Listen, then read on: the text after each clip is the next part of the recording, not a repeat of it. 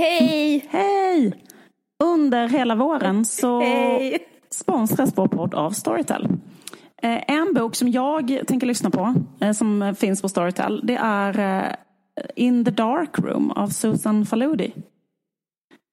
Och Mm, berätta. ja, den har typ vunnit alla priser som finns. Det, det är liksom en eh, det är självbiografi kan man säga, eller där dottern Susan Faludi försöker återknyta kontakten med sin väldigt auktoritära pappa som har flyttat tillbaka till Ungern och eh, eh, genomgått en könskorrigering och nu är en kvinna.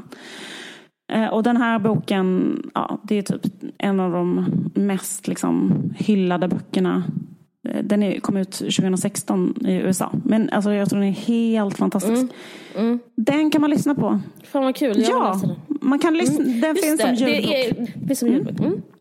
Eh, Och nu, om du lyssnar på en Vargsaxen-podd så kan du prova Storytel under 30 dagar kostnadsfritt genom att gå in på storytel.se varg. Så tack så mycket Storytel. Tack så mycket Storytel!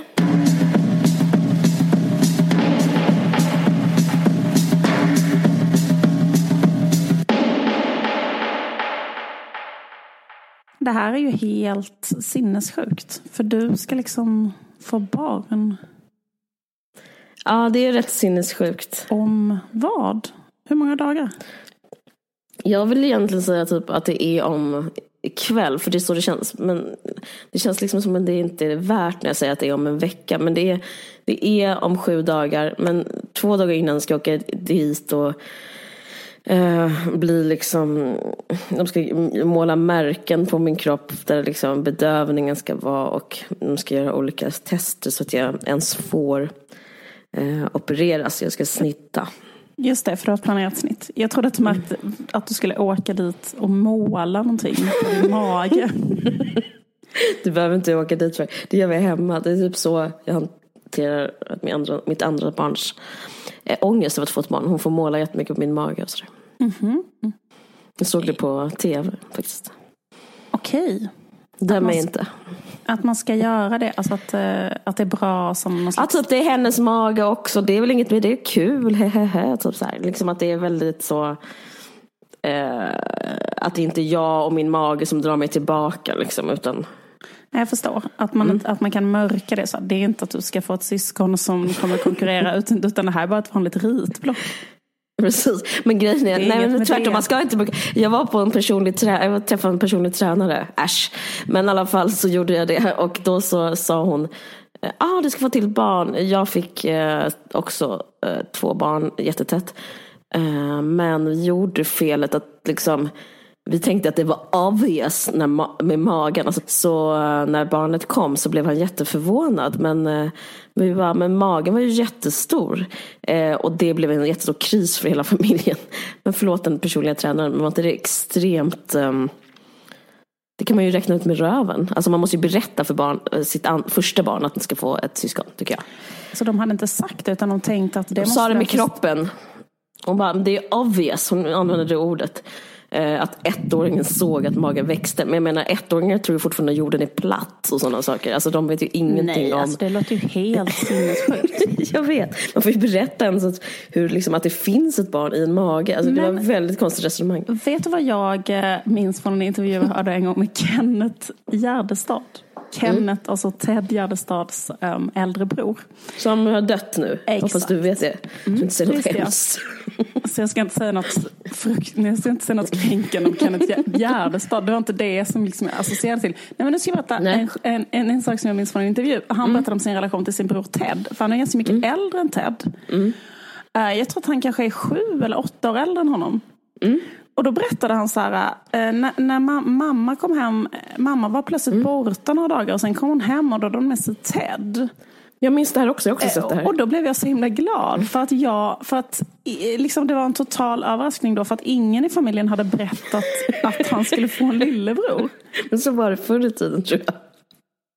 Men jag tycker bara det är så, alltså det vittnar om en jättekonstig familj. För, för, för det sätter ju alltid ett helt annat ljus. Att det var så här bara, Mm.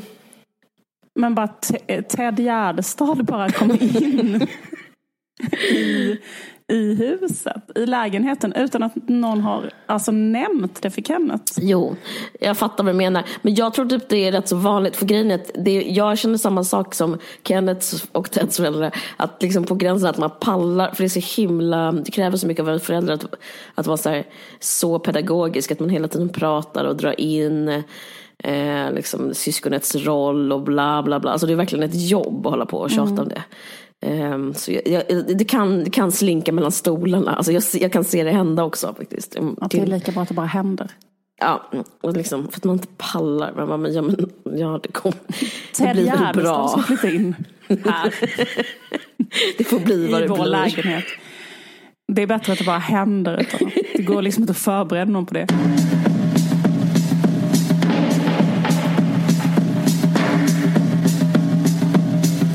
Det finns ett sånt eh, fenomen som eh, är liksom självhjälpsböcker som mm. är riktade till kvinnor. Speciellt en tänker jag på som, som heter eh, The Life Changing Magic of Not Giving a Fuck. Mm. Eh, som är skriven av Sarah Knight. Okej. Okay. Eh, men liksom när jag googlade den så hittade jag massa andra böcker som heter liksom ungefär samma sak. Typ så The Magical Art of Not Caring and Fuck You. Alltså typ sånt. Jag tycker det är så aggressivt med ordet fuck, men det, det, är bara, det är bara, de bara använder det liksom. Ja, och det är lite, men jag tror det är lite edgy sådär. Och det är det ja, det är det lite, va? Det är väl kanske därför den eh, sticker ut lite också. Eller? Ah, Okej, okay. mm, jag fattar. Men i alla fall, det är, liksom en, det är en tjej som har skrivit en, en, eh, en bok som handlar om det. Och hon, och den är liksom en internationell bestseller. Den har sålt i liksom över en miljon eh, ex. Hur hörde du om den här? För att jag, när du skrev till mig att du ville snacka lite om den här så tänkte jag vad kul. Men sen så, jag har aldrig hört talas om den här eh, genren inom självhjälpsböcker. Eh, hur kom du över den? Nej, förlåt, kanske jag hittar på att den här genren finns för ett kris. nej, men, nej, men jag menar att den fanns överhuvudtaget. Du behöver inte säga genren. Nej, men jag bara menar, men varför här... vet du om den? Ja, men jag hörde om den på typ P1. Okej då. För jag trodde det skulle vara mycket mustigare. Ja, att jag, liksom verkligen hade rotat upp det själv. Ja, det är jättetråkigt att jag hörde om det på P1 och nu Jag trodde typ så här, inte en dag till att jag tar hans skit hemma. Eller något sånt där tror jag. Och att du så här, satt och googlade till liksom lite råd på nätet och så kom du över den här. För att du hade så himla uselt förhållande. Men det är inget sånt. Okay, Nej, tyvärr. Alltså, det är liksom lite som det här som vi har haft innan den här podden. Att den här podden är fattigmans P1. Så nu berättar jag samma sak som jag har på P1. Nej, det ska jag inte göra. Nej, okay. Nej, men jag kan bara berätta vad som är eh, grundtanken i den här boken. Mm. Är så här att eh, precis som man kan städa hemma och slänga saker som inte är bra, att, som man liksom bara tar energi, stora högar med skit. Liksom. Så mm. kan man liksom göra en mental decluttering där man kan liksom ta bort saker från sitt psyke som bara eh, tar energi och gör en, eh, ja men suger, suger energi snarare än ger energi. Mm.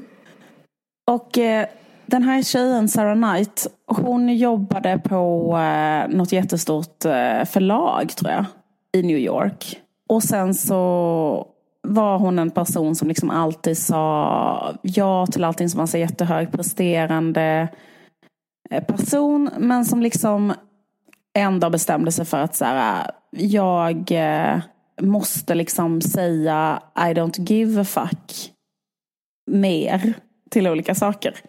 Och då menar hon på att man kan så här, dela upp allt. Man kan skriva mm. en lista på så saker som joy you or annoy you. Mm, och att man då kan mm. liksom bestämma sig att inte lägga en ekonomi liksom med det, fax. En, exakt, det finns en ekonomi med fax. Så här, man har fax ett visst give. antal ja. fax to give. Mm, och då ska man göra en fack budget som är så här. Just det, jag har bara liksom en viss antal och då ja. måste jag liksom lära mig att, eh, att eh, hushålla. hushålla och bestämma liksom, vad ska jag bry mig om och vad ska jag inte bry mig om. Liksom. Mm.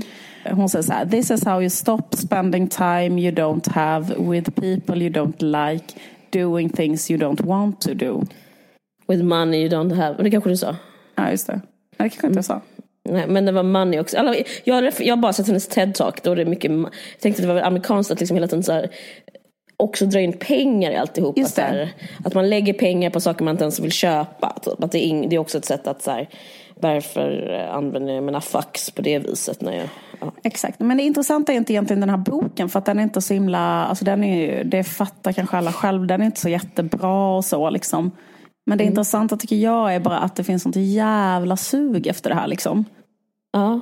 Alltså det handlar väl om alltså, att säga nej. Alltså, Inte för att eh, underskatta våra lyssnare, de fattar väl det här. Men vad jag tolkar det som efter jag bara såg den här snabba recapen. Att så här, det, kvinnor vågar, alltså kvinnor måste lära sig säga nej. Det, det, det är min... Egentligen så är det väl så här att jag menar, det kanske också väldigt många så feminister har noterat, men liksom att det, det, det existerar ju en sån, eh, en sån grej som är så här att, att kvinnor tar liksom ett väldigt mycket större så här, emotionellt ansvar för en massa olika konstiga saker och andra människors konstiga känslor.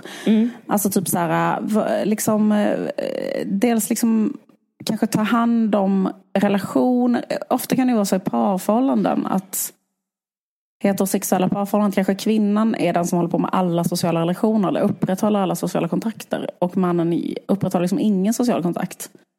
Precis. Utan bara liksom delegera, eller inte ens delegera det på ett öppet sätt. Ja, men så här, och också liksom alla sådana här saker som så här, Men allt som så här, smörjer livet på något sätt. allting som har att göra med så här, hur ska vi planera för påsken? Hur ska vi dekorera i påsk? Vad ska vi äta i påsk? Vilka ska vi bjuda i påsk? Vad ska jag på mig i påsk? Vad ska, alltså är så här, vad, vad det är påsk kanske. Eller Hitta en man som bestämmer din påskoutfit. Nej, det Nej, men och, och, och då precis, kanske män generellt lägger noll sekunder Noll på- fax. Noll fax på så här, Precis. hur ska allt det här liksom Alltså att livet börjar liksom en lång, lång, lång, lång, lång räcka med sånt. Att skicka tackkort eller skicka tack-sms eller tänka på att de ska bjudas in nu eller den. Eller du vet, eller svara på den, lajka den. Boka, boka, lajka på liksom Jag snackade med en kompis säga som vad berättade snygg du är under någon instabild. Det är ingen kille som orkar göra det. Nej. Typ, till en kompis. Ja. Så liksom det var sånt jävla slags konstigt Göra sådana emojis med hjärtögon till alla ens kompisar hela, hela tiden. Jag snackade med en kompis till mig som sa så att hon har en kompis som hon egentligen är så väldigt trött på. Men Mm. att hon liksom, så att hon har så här mutat henne på Facebook. Men ibland så går hon Är det jag? in Vem är det? Sa du? Är det jag och vem är kompisen? Nej men jag vill bara berätta om typiskt kvinnligt beteende. Det är inte du. Jag vet. Och då går hon in där ändå typ en gång i veckan på hennes wall och liksom slentrian eller liksom klickar i Mm. likes på olika saker hon har. Hon har gjort bara för att hon inte vill verka aggressiv. Förstår du? Ja gud, jag förstår verkligen. Så att hon liksom Gör man något annat? Alltså, jag, exakt så är det ju.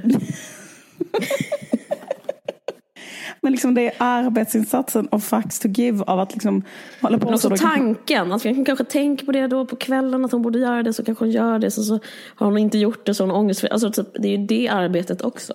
Just det. Och eh, för att inte tala om så här, är jag tjock? Har jag gått upp i vikt? Har jag gått ner i vikt? Hur ser jag ut i de här jeansen? Vad ska jag göra med mitt hår? Är jag rynkig? Ska jag ha det här serumet för att inte bli rynkig? Ska jag ha det andra serumet? Ska jag ha det här Vilket serum du pratar om? serumet? Ha Säg istället, Va? säg vilka serum, serum du tipsar om så man kan köpa dem istället Liv. Mitt hår. Men i alla Är det, är det samma sak? Jag, för, så de sakerna som nu är för mig eh, rätt så härliga. För det har jag med själv på ett sätt. Att tänka att du blir tjock. Nej men tänk så här, ska jag kli- ja, det här är min var- mig? underbaraste Ja, tanke. Ska jag klippa mig? Hur ska jag klippa mig? Det är bara njutbart tycker jag. tänka så. Men, jag, men Ja, fast Okej. det finns, jag, jag håller med, men det kan finnas en annan grej som, eh, som kan vara så här, du ska klippa dig var sjätte vecka annars blir ditt hår slitet. ah, okej. Mm. Och eh, om du går, Underhållning av, liksom, just det, smörjet igen. att det är liksom en underhålla en, eh, alltså typ fattar. så här, det, det, det, ditt hår kommer inte att bli bra för att du har inte, alltså typ att, eh, att Okej. jag, jag Inte ibland- dagdrömversionen utan mer liksom den praktikaliteten av att vara i ett liv på något sätt. Alltså det är som att det finns så mycket man måste, alltså du vet, det är liksom, du borde till exempel använda tandtråd.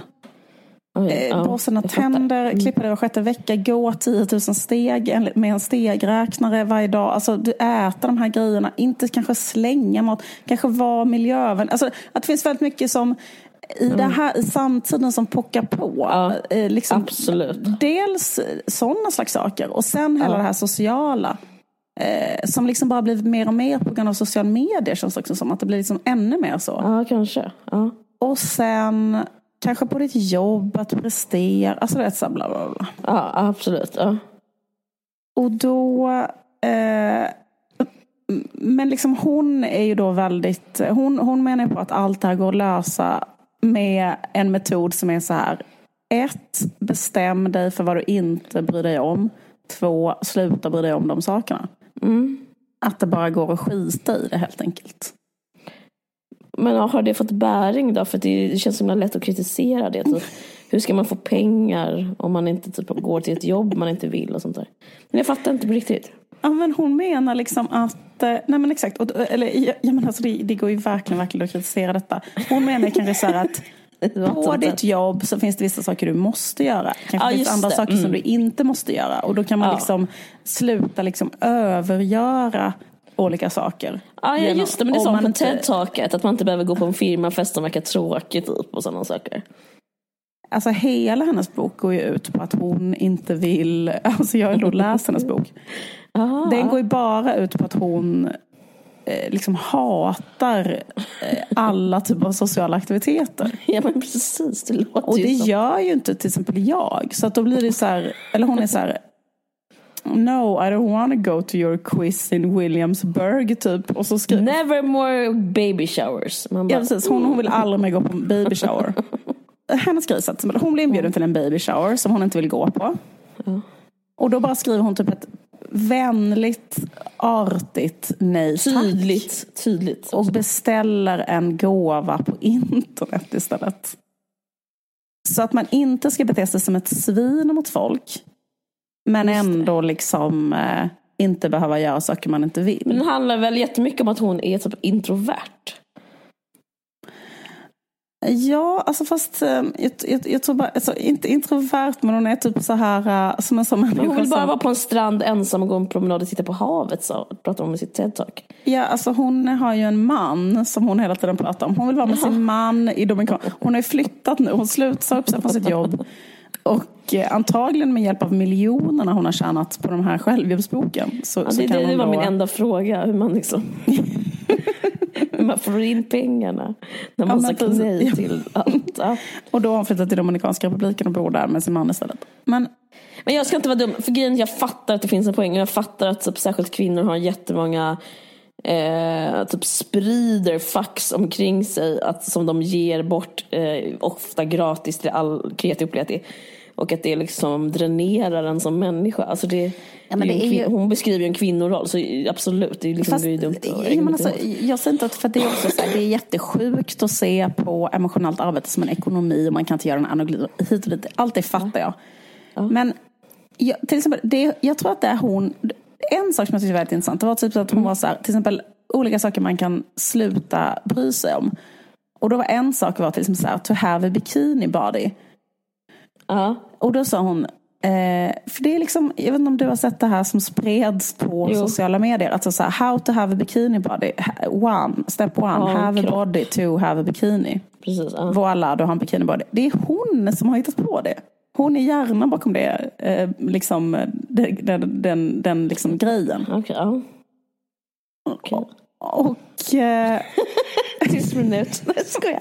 Tyst Ja. minut. Ja, för det. Det var så jävla bra sagt. Nej, men, men, men det tyckte jag Ja. var lite intressant. Alltså, det kan man ändå... Det kan ju ändå jag, jag Absolut. sätt, om man kan kritisera allt det här. Så här, någonting med att så här, tänka så här, är det rimligt att jag lägger då Ja, det är underbart. alltså, det är timme, veckor, månader i, av mitt liv, ganska korta liv, på att tänka att jag måste ha en bikinibody när ens kropp ändå är någonting som man i pri- princip inte riktigt kan, ändå kan ändra hur den är. Alltså men den är bara på ett visst sätt. Den kanske liksom så här, någon, något halvt kilo hit och något halvt kilo. Man kan gå upp och man kan gå lite ner. Så här. Ofta så liksom vill ju ens kropp vara på ett visst Den bara är på ett visst sätt. Och, och det går inte heller att ändra så här, typ proportionerna mellan mellan något eller du vet. Så det kommer bara alltid vara på ett visst sätt mer eller mindre liksom. Ja. Och då kanske det är bisarrt att lägga ner så mycket tid och energi och eh, hemska tankar på att vilja att den ska se ut på ett visst sätt. Absolut. Men, Absolut. Det, men det är också konstigt att tänka sig att det skulle gå att lösa genom att bara bestämma att man skiter i det. Fast det är lite, det, det, det tycker jag inte är så konstigt. Det kan du göra. Det är, liksom, det är lite KBT. Det får man lära sig när man går till KBT. Att man kan styra över sina tankar. Om man börjar tänka det så ska man liksom tänka ersätta det med en annan tanke och typ sådär. Alltså det är ju det är ändå. Men så tyckte jag var en annan sak, som jag, för jag hörde en intervju med henne och då sa hon att en av de sakerna som hon har då slutat bry sig Ja. om det är att ha en bikinikropp. Och då frigjorde det en massa tid till saker hon ville göra istället. Som var vad? Ja, men det är ju det här att dricka och vara med på stranden. Men, men Margarita på en strand. exakt. Och, men en annan sak som hon hade struntat i, och det här tyckte jag också var så här, eh, lite inspirerande. Mm. Att, hon, att hon hade bestämt sig för att hon inte hade några facts to give om, eh, om hon blev rynkig eller inte. Att hon var så här, I don't give a fuck. Om jag blir rynkig, I don't give a fuck. Det låter jätteskönt. För jag vill inte, för jag, för jag skiter i det. För liksom the amount of time, energy and money. Det är då de tre grejerna hon håller på med hela tiden. Det är sant. Liksom att man kan översätta facts to give med kanske time, inte skiter i när hon blir lämnad av sin man. Förlåt. Nej, sen är det att hon är typ gift med någon som aldrig kommer kanske lämna henne. Så att hon Nice. kan vara jättetjock och rynkig. som vi andra som lever lite med osäkra förhållanden ändå måste försöka liksom keep up lite grann. Nej, alltså bara. jag fattar, jag ska inte spela dum. Men det handlar inte bara om en så här, individens val kanske. Bara. Men Nej, absolut. gud. Men jag tyckte bara att det var lite kul. För, då så, så typ, för att om man tänker på så här, den tiden och de pengarna och det engagemanget som krävs för att du ska stå och liksom så här, det är som tusen, tusen, tusentals kronor kanske i månaden på att bestämma, be- liksom ha olika serum, stå och smörja in sitt face, göra alla de ritualerna. Att man kan fundera bara så här, är det värt det? Alltså är det värt det? För det, så, det, det kanske kommer bli så här pyttelite mindre rynkig. Men, bara, men, men är det ett liv? Alltså vad du menar? Är det ett, Ja. Liksom, vad fan är det liksom? Det är så, och då tyckte jag det var, det var så himla länge sedan jag hörde någon som sa så här, "Äh, äh, blir jag rynkig, I don't give a fuck. Liksom. Det är inte in Det fuck men det, är budget. lite, det är lite, jag fattar, det är lite fräscht, det är lite uppmuntrande. Ehm, men eh, ja, absolut. Men sen så eh, eh, ka- kan det ju vara, eh, men, men, men det som jag tycker hela metoden liksom så här fallerar på, det är så här typ de sakerna som verkligen är jobbiga tänker jag, alltså de typen av sociala relationer som man liksom inte kan ta sig ur. Alltså det är ju det går inte liksom att lösa på det här sättet. Eller det är klart att det går att säga till en arbetskamrat att man inte vill gå på en tacokväll. Eller att man inte heller vill gå på en baby shower kanske till någon ytlig vän. Så. Men det, det är ju inte det som är problemet. Utan problemet är ju ofta att det handlar om människor som man verkligen är eh, på riktigt involverad med. Och alltså, till exempel ens familj. Ja. Alltså dels ens originalfamilj som man kommer från och dels ens då eh, familj som man kanske har skapat. Alltså, att man kan inte bara säga så här, att, att tänka ut så här, what joys me and what annoys me. Ja, men what joys me kanske inte är att liksom vara hemma hos en eh, kompis till mina barns eh, Ja, men fattar du vad jag menar? Och- Eller göra det bara, liksom, du vet, vara på en, ett föräldramöte med, med någon som ska diskutera något som handlar om att eh, ändra på This någon doesn't joy me at all. Nej, men does, it, does it joy me? Nej, det är klart att det inte joy me. Men det är ju det, det är liksom att ha... Nej, jag vet. Att Men jag ha tänkte, jätte, jag, jag blev jätteintresserad, för att kalla mig bio- biologist. Men jag tycker det var jätteintressant, jag undrade om hon hade barn. Det var det jag satt och tänkte på. Har hon? det Nej, känns nej, nej, liksom nej. har. Hon nej. har inte det. Och det är ju en stor... Men har hon, har hon så här, det är ju inget fack hon vill ge till någon. Att, alltså hon, Nej, hon, hon vill... Alltså hon är så här självvalt eh, Barnlös. barnfri då. Ja. Men det förstår jag. Det förstår jag. Eh, För grejen är att eh, det är lite som du säger. Eh, För om man delar in världen utifrån sig själv så blir man Alltså då, jag, om jag skulle bara om jag utgår från mig själv skulle inte jag heller skaffa barn tror jag. Förstår du vad jag menar? Nej. För, för det blir som att, nej typ vad är ballare? Att vara på en bar eller att vara hemma? Typ det är faktiskt godare What med öl. joys me and what annoys me. Ja, precis. Det är faktiskt roligare att vara full än att liksom.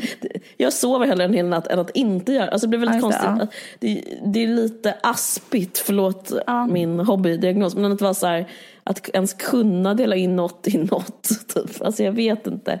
För det liksom blir som att em, det är på ett ytplan allting och så kollar man väldigt så här ja, kortsiktigt på det. Men jag Ja, men upplever, det- jag tycker det är intressant att säga det här med, eh, med familje, nära rela- familjerelationer. För att jag upplever ett, faktiskt en, något som är negativt med just terapi eh, och familjerelationer.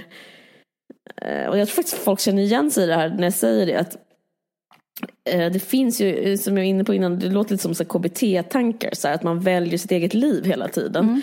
Och inom KBT så pratar man ju jättemycket om så här, även, alltså inte som man gör i psykodynamisk terapi, att man pratar om sin mamma och sin pappa, sin relation och sådär.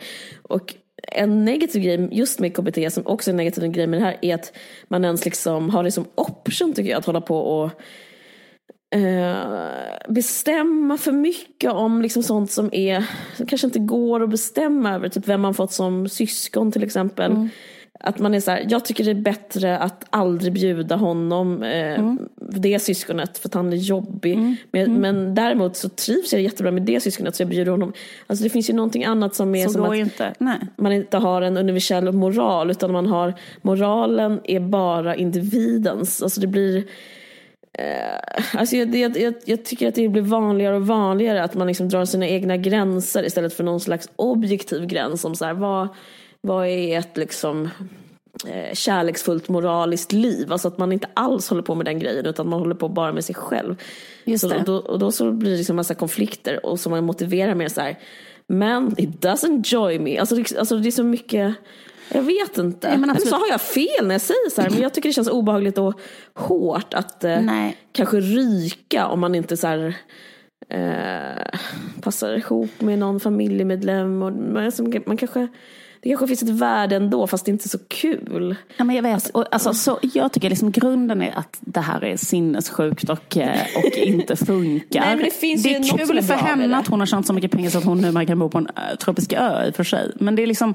Men, jag men, tror också, alltså jag men tror det det, som jag tycker funkar är också på vissa, alltså kanske mer ytliga sätt som kanske jobbsammanhang. Alltså det kan ju visst funka. Precis, Liksom. men lite mer intressant tycker jag är att det är så himla många kvinnor som behöver det eller som vill Ja. köpa det. Liksom, just därför att, så här, därför att det är liksom någonting som man kämpar med så himla mycket tycker jag. Alltså hela den här Ja. grejen. Men också att det är så olösligt. Därför att det är liksom, alltså, precis som du säger, för hon skriver om familjen. Så här, familjen är som Skatteverket. Det är något som är put on this earth för att göra livet surt för dig.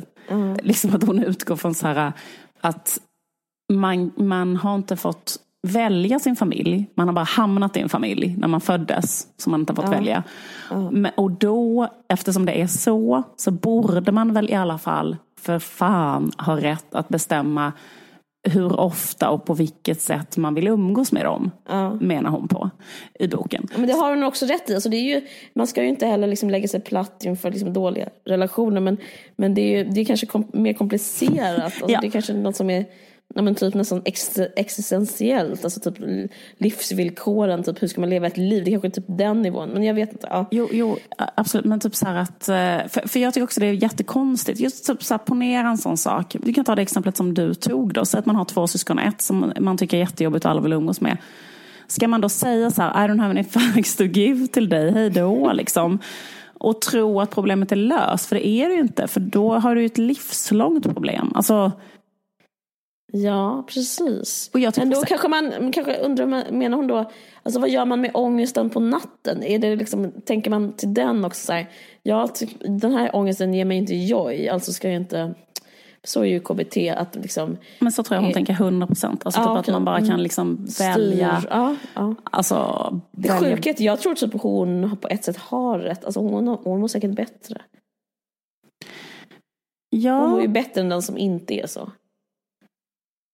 Om hon vaknar mitt i natten och bara, jag kanske borde ringa Daniel, min bror. Och sen så, sen så bara tänker hon så här, nej, det, han är skitstörre, jag har inga fucks to give. Och så tänk, och så, då mår ju hon bättre än att hon är så här, ja det är dåligt av mig, varför har vi inte förlorat kontakten, la la la. Alltså hon kanske har rätt bara. hon skulle inte vara som den här eh, Thåström-låten. Jag tänkte att jag kanske borde skicka dig ett brev. För att vi aldrig hörs, för att vi aldrig ses. Så bra låt. Han har skrivit brev till sin bror. Men, nej, precis, men så tror jag inte hon tänker. Om han ligger där på sin strand. Nej men alltså. eh, Men sen så har hon ju skrivit den också lite, alltså hon är ju då lite rolig också. Hon är inte jätterolig men hon jag tycker vissa grejer är, är roliga. Till exempel att hon har skrivit en sån lista på hur man ska tänka när man är hemma hos sina föräldrar och det är jättejobbigt. Ja, det vill jag för sig och då, veta. och då, No offense, ni som lyssnar. och då så här, eh,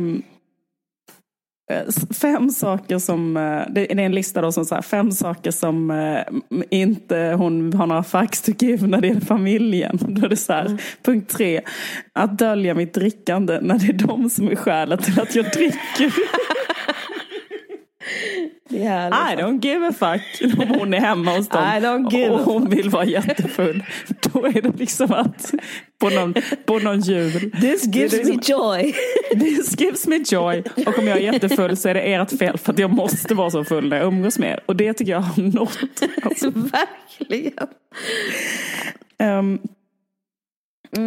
och sen Hon har rätt i en sak. Jag vill bara säga att, eh, jag ska inte låta så konservativ och konstig, men hon är ju rätt i också att, eller kanske hon inte säger, men det är ju en kvinnoroll i allt du snackar om med emotionellt arbete, att även att så här, vara den som så här, Ja, står upp med typ en ping, på pingst ska vi ses allihopa eller vad fan det nu är. Alltså typ att det är också så här, det är också typiskt tjejer att vara den som eh, ser till att, att man träffas på påsken. Det är ju aldrig killar som gör det. Alltså, jag tror att tjejer behöver kanske lite mer av där liksom. Alltså det är ju, Men precis. alltså jag menar ta hand om familjerelationer är också tjejigt. Ja visst är det det. Och det är ju liksom den här, alltså det är ju den här klassiska mamman, alltså typ Muminmamman eller någon slags moderstereotyp som liksom håller på med alla de här grejerna.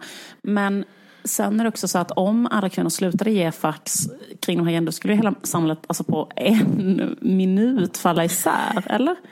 Alltså inget kanske. socialt smörjmedel skulle finnas och det skulle inte existera alltså, grupper så som vi känner dem. Alltså människor skulle inte vara i sociala kluster. Alltså allting skulle vara, det, det, skulle liksom vara, det skulle vara liksom en helt ny värld. ja, verkligen.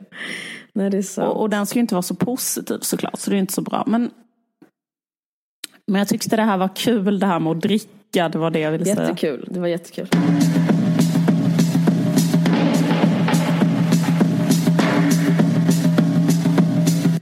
Under våren ett fortsatt samarbete med Malmö Stadsteater, vilket vi är mycket glada för. Just nu spelas Fly Me To The Moon på Intiman, som handlar om två hårt arbetande hemtjänstearbetare. Det är en komedi av den nordinländska skådespelerskan och dramatikern Mary Jones. Hon arbetar mycket för att ta fram intressanta pjäser och roller för kvinnor, vilket vi tycker är bra. Mm. Eh, och säkert alla andra. Den här pjäsen handlar om Frida och Liliana som jobbar inom hemtjänsten och träffas för första gången i ett gathörn i Malmö innan de ska in till sin första gemensamma vårdtagare. Under resten av dagen trasslar de in sig i en absurd och komisk karusell. Och eh, pjäsen har redan fått mycket bra recensioner, så det är ett safeguard. Ni kan som sagt se Fly Me To The Moon på Intiman i Malmö. Den spelas till och med 7 april så där finns tid. Och vi erbjuder er som vanligt 25% rabatt på biljettpriset. Vi har bytt kod till VARG, V-A-R-G, eftersom det blev struligt med den gamla rabattkoden. Så använd alltså koden VARG så får ni 25% rabatt på biljettpriset. Och biljetter går att köpa på malmöstadsteater.se. Gå och se den. Yes, och vi vill samtidigt passa på att nämna att Malmö Stadsteater alltid varit väldigt bra på rabatter till alla som studerar. Och eh, är du fortfarande, om du är ungdom, alltså det räknas fram till man är 26, så har man upp till 50% rabatt på biljettpriset. Tack så mycket Malmö Stadsteater! Tack! Men hur känns det då? Med att bli, att, eh, bli Att förälder. du, ska, för, alltså du har ju en plan, ett planerat snitt, är inte det skönt? Jo, det känns väl okej. Alltså det som känns är att det är svårt att... eh, ehm, jag vet inte. Det känns som att jag har en sån att göra-lista och så står det på min lista. Det känns, det känns så himla oheligt och sekulärt allting. Alltså som att, som att jag bara har väldigt, väldigt mycket så on my plate just nu och en av de grejerna är att skapa en till människa. Men jag, kanske, det är väldigt, jag tycker det är väldigt mysigt också. Jag är glad när jag tänker på det. Jättekul. Är det inte, känns det inte läskigt att göra ett kejsarsnitt? Inte- Jo, Är du rädd känns- för det? Eller? Ja, ja, det känns helt fruktansvärt. Ja. Förra gången så vaknade jag aldrig upp från bedövningen. Eller aldrig fel eftersom jag sitter här idag. Men det skulle ta mycket kortare tid. Mhm. Men, men mina... jag blev liksom förlamad i benen. Och de, det tog ju fler, ja, det tog liksom timme ut och timme in så bara inget gensvar. Det tyckte jag var väldigt obehagligt eftersom det Ja men det är väl kanske något sånt som man har mardrömmar om att så här, bli förlamad. Också så. Bara så här, nej, det är väl konstigt att du, att du är förlamad. Ja men det ordnar sig nog. Vi kommer tillbaka om någon timme och känner. Så var, ja. Typ sånt, sånt är jag rädd för. Att det ska hända igen. ja, jag fattar. Nej men samtidigt känns det rätt så fräscht att göra kejsarsnitt. Det känns liksom eh, lite lyxigt. Förstår du vad jag menar? Ja. Det känns liksom som att jag eh, inte mina alltså, eh, jag kommer inte get my hands dirty utan jag, kommer, jag kan gå dit så här med liksom intakt make. Eh, och vara liksom ja, jag behöver inte liksom veta vad som händer un, liksom under min midja. Jag behöver liksom inte känna det utan det är bara liksom, ja, men det är lite så viktoriansk stämning nästan. Är, Ja. Man har ju ett sånt skynke och sen så får man inte se någonting. Och sen så bara har man ett Jag är barn. jätteförvånad att liksom, kungafamiljen och sådana föder vaginalt. Det jag har också tänkt på. Vad kul att du säger det. För jag tycker det är så absurt. Alltså när man träffar vissa människor. Tittar, tittar jag alltid på dem och bara, men har du fött vaginalt? Alltså människor som är liksom lite um, upphöjda. ja, men varför gör de det? Gör de det? Vet, kan, det vet att de vi att de... måste, kan det vara att de måste göra det för att ehm, för att liksom på samma sätt som de måste, för att de menar kanske eh, titta på Melodifestivalen Ja. eller Ja, för att annars blir det liksom måste besöka Avesta någon gång Exakt. once in a while. Liksom. och att det finns i, i ett sånt kontrakt att så här, man måste föda vaginalt. För att det är liksom att um, Annars, det liksom, förhäva janter. Liksom, annars skulle det kanske det bli det liksom på sikt franska revolutionen mot dem. Alltså Mm. typ att om det är för mycket så här överklass, eller jag vet Ja men inte. precis, jo men verkligen. Om det, ja, det, det räcker med apanaget liksom. Då behöver, man behöver inte man behöver inte vet du, hålla, liksom, hålla, dingla ögonen med liksom, godbitar som kejsarsnitt och sådär på svenska folket. Fast det är ju lyxigare, det är dyrare. Det tycker jag känns jätteskönt. Ja just det. Det, Det talar ju för något liksom. det passar ju dig för du är en sån person som alltid tar det dyraste. och även Mm, jag tror- här alltså. Jag gör det, jag tror alltid det är bäst. Ja. Alltså det var så kul tycker jag när, när du snackade om det att du skulle välja, när du skulle välja tapeter och sådana saker. Att du bara utan att titta på priset tog vissa grejer och sen när du kollade så var det alltid att du hade alltid valt det dyraste. Mm, Alltså utan att smak. veta, du hade en intuitiv känsla Det är för det dyraste. hönan eller ägget. Man vet inte vad som kom först vad det gäller min Nej, smak. det. För det Ja. handlar det är alltid typ att det är ja, men typ Ralph Lauren Home Cottage typ, som, som har gjort den och sånt där. Men jag tycker det är svårt, för grejen att jag, eh, eller så är det så här, det skulle kunna vara så här, för eh, en sak som, jag är född vaginalt, jag har ju liksom haft väldigt mycket fantasier om att ha ett kejsarsnitt, för jag tycker det låter så himla skönt. Men Det är ju det, det tar ju ju, en kvart. jo men sen är det väl inte det heller, alltså så i, i eh, alltså det där lät ju jävligt obehagligt, det där med att känna sig förlamad till exempel. Låter ju inte kul.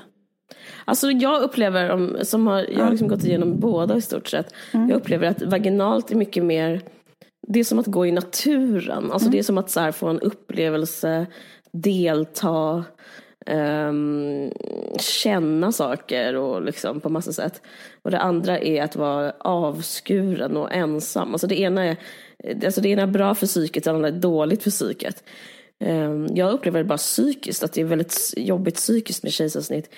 Eh, jag fick, när jag fick akut förra gången så fick jag som en panikångestattack för att jag tyckte det var så, jag tappade all kontroll. De skulle, de bara, nu, ska vi, nu måste vi skära upp dig och det är bråttom. För mig är det mycket mer obehagligt än att liksom vara, mm, liksom använda sina muskler och hålla på själv med någonting och vara i kontakt med andra kvinnor som har gjort det liksom i liksom miljontals år innan en själv. Alltså hela den här grejen. Liksom. Ja, det, fast jag måste säga, jag eh, eh, vad heter det, till exempel födde ju vaginalt mitt första barn, men då kände jag exakt samma sak fast det var också så att jag tappade kontroll. Alltså typ att de var Ah, tvungna okej. att, det gick inte, de fick försöka dra ut med en sugklocka och sen klippa med så här akut klipp. Alltså, eller för jag menar, det var inte att jag... Förlåt jag skrattar, det är en chockreaktion. ja, men menar, det, var inte så här, det var inte heller att jag använde några muskler utan det var bara så här, det var samma grej, att tappa Ja, kontrollen. Ehm, eh, så att... eh, Ja men det är väl det som är det jobbiga. Alltså, men jag menar, det jag försöker säga är att själva proceduren att genomgå snittet är inte jobbigt. Det är- tankarna kring det som är jobbigt tycker jag. Att man, ja, men de skär av nervtrådar. Men jag, alltså, jag tycker det är så absurt, det är därför jag skrattar. För det är så absurt att vara kvinna. eh, Och det, för de skär av nervtrådar som finns i magen. Och sen så bara sa jag det, men jag bara, men jag känner inte min mage längre. De bara, nej, det gör man ju inte. Och sen så bara, det om det, detta om detta. Och sen så idag, idag flera år senare, så känner jag fortfarande liksom, har väldigt eh, nedsatt känsla i magen. Det är som att, eh, då bara är det så liksom. Alltså det är så, det är absurt. Alltså att när man har, du menar efter att man är ihopsydd så känner man eh, inte så mycket känsel i magen? Nej, för de har eh, även skurit eh, genom nerver. Så att man eh, kanske inte får återställd känsel i magen? Nej. Så typiskt också att säga det efteråt. Jag vet! Eh, Vi fortsätter vårt samarbete med Scanbox Entertainment som känns jätteroligt för de har så himla bra filmer. Eh, igår såg jag till exempel Nile Hilton Incident. Den vann ju, jag tror vad fan, Fares Fares vann bästa manliga huvudroll för den på Guldbaggegalan. Eh, Och jag rekommenderar den verkligen. Den är extremt imponerande. Se den. Men eh, den har redan gått upp på bio och allt sådär. Så att, eh, vi tänkte tipsa om en annan film. Eh, vilken då? Eh, det är Tully, eh, heter den, med Charlize Theron. Och Precis. den har premiär den 20 april. Yes. Den är gjord Kul av... med Charlize Theron. Verkligen. Eh, det är samma team som har gjort Juno, den här filmen. Men filmen eh, Tully handlar om eh, den nyblivna trebarnsmamman Marlowe. Skulle kunna vara du. Eh, vars bror erbjuder henne en nattnanny för att få lite mer tid att titta tillbaka till sig själv. Eh, det tycker jag, jag tycker det låter helt underbart. Jag det är helt fantastiskt. Det är en mörk dramakomedi om moderskap och den första tiden med barn. Gud, det här måste vi se. Ja. Den har, vi har inte heller fått se den för den har haft premiären. Men som vanligt så kan man mejla till scanboxent.gmail.com eh, och så skriver man Tully med versaler, T-U-L-L-Y. Och eh, så får de första 20 som mejlar två biljetter var till filmen. 20 april, Tully, Charlize Theron, trebarnsmamma. Att få sova på natten. Mejla Jag så får ni längtar. gratis. Jag längtar. Fan vad kul. Ja, ska vi se. Mm, Tack, Scanbox. Tack så mycket för att ni har lyssnat. Vi hörs igen om två veckor. Ja, det gör vi. Tack så Hej då. mycket. Hej.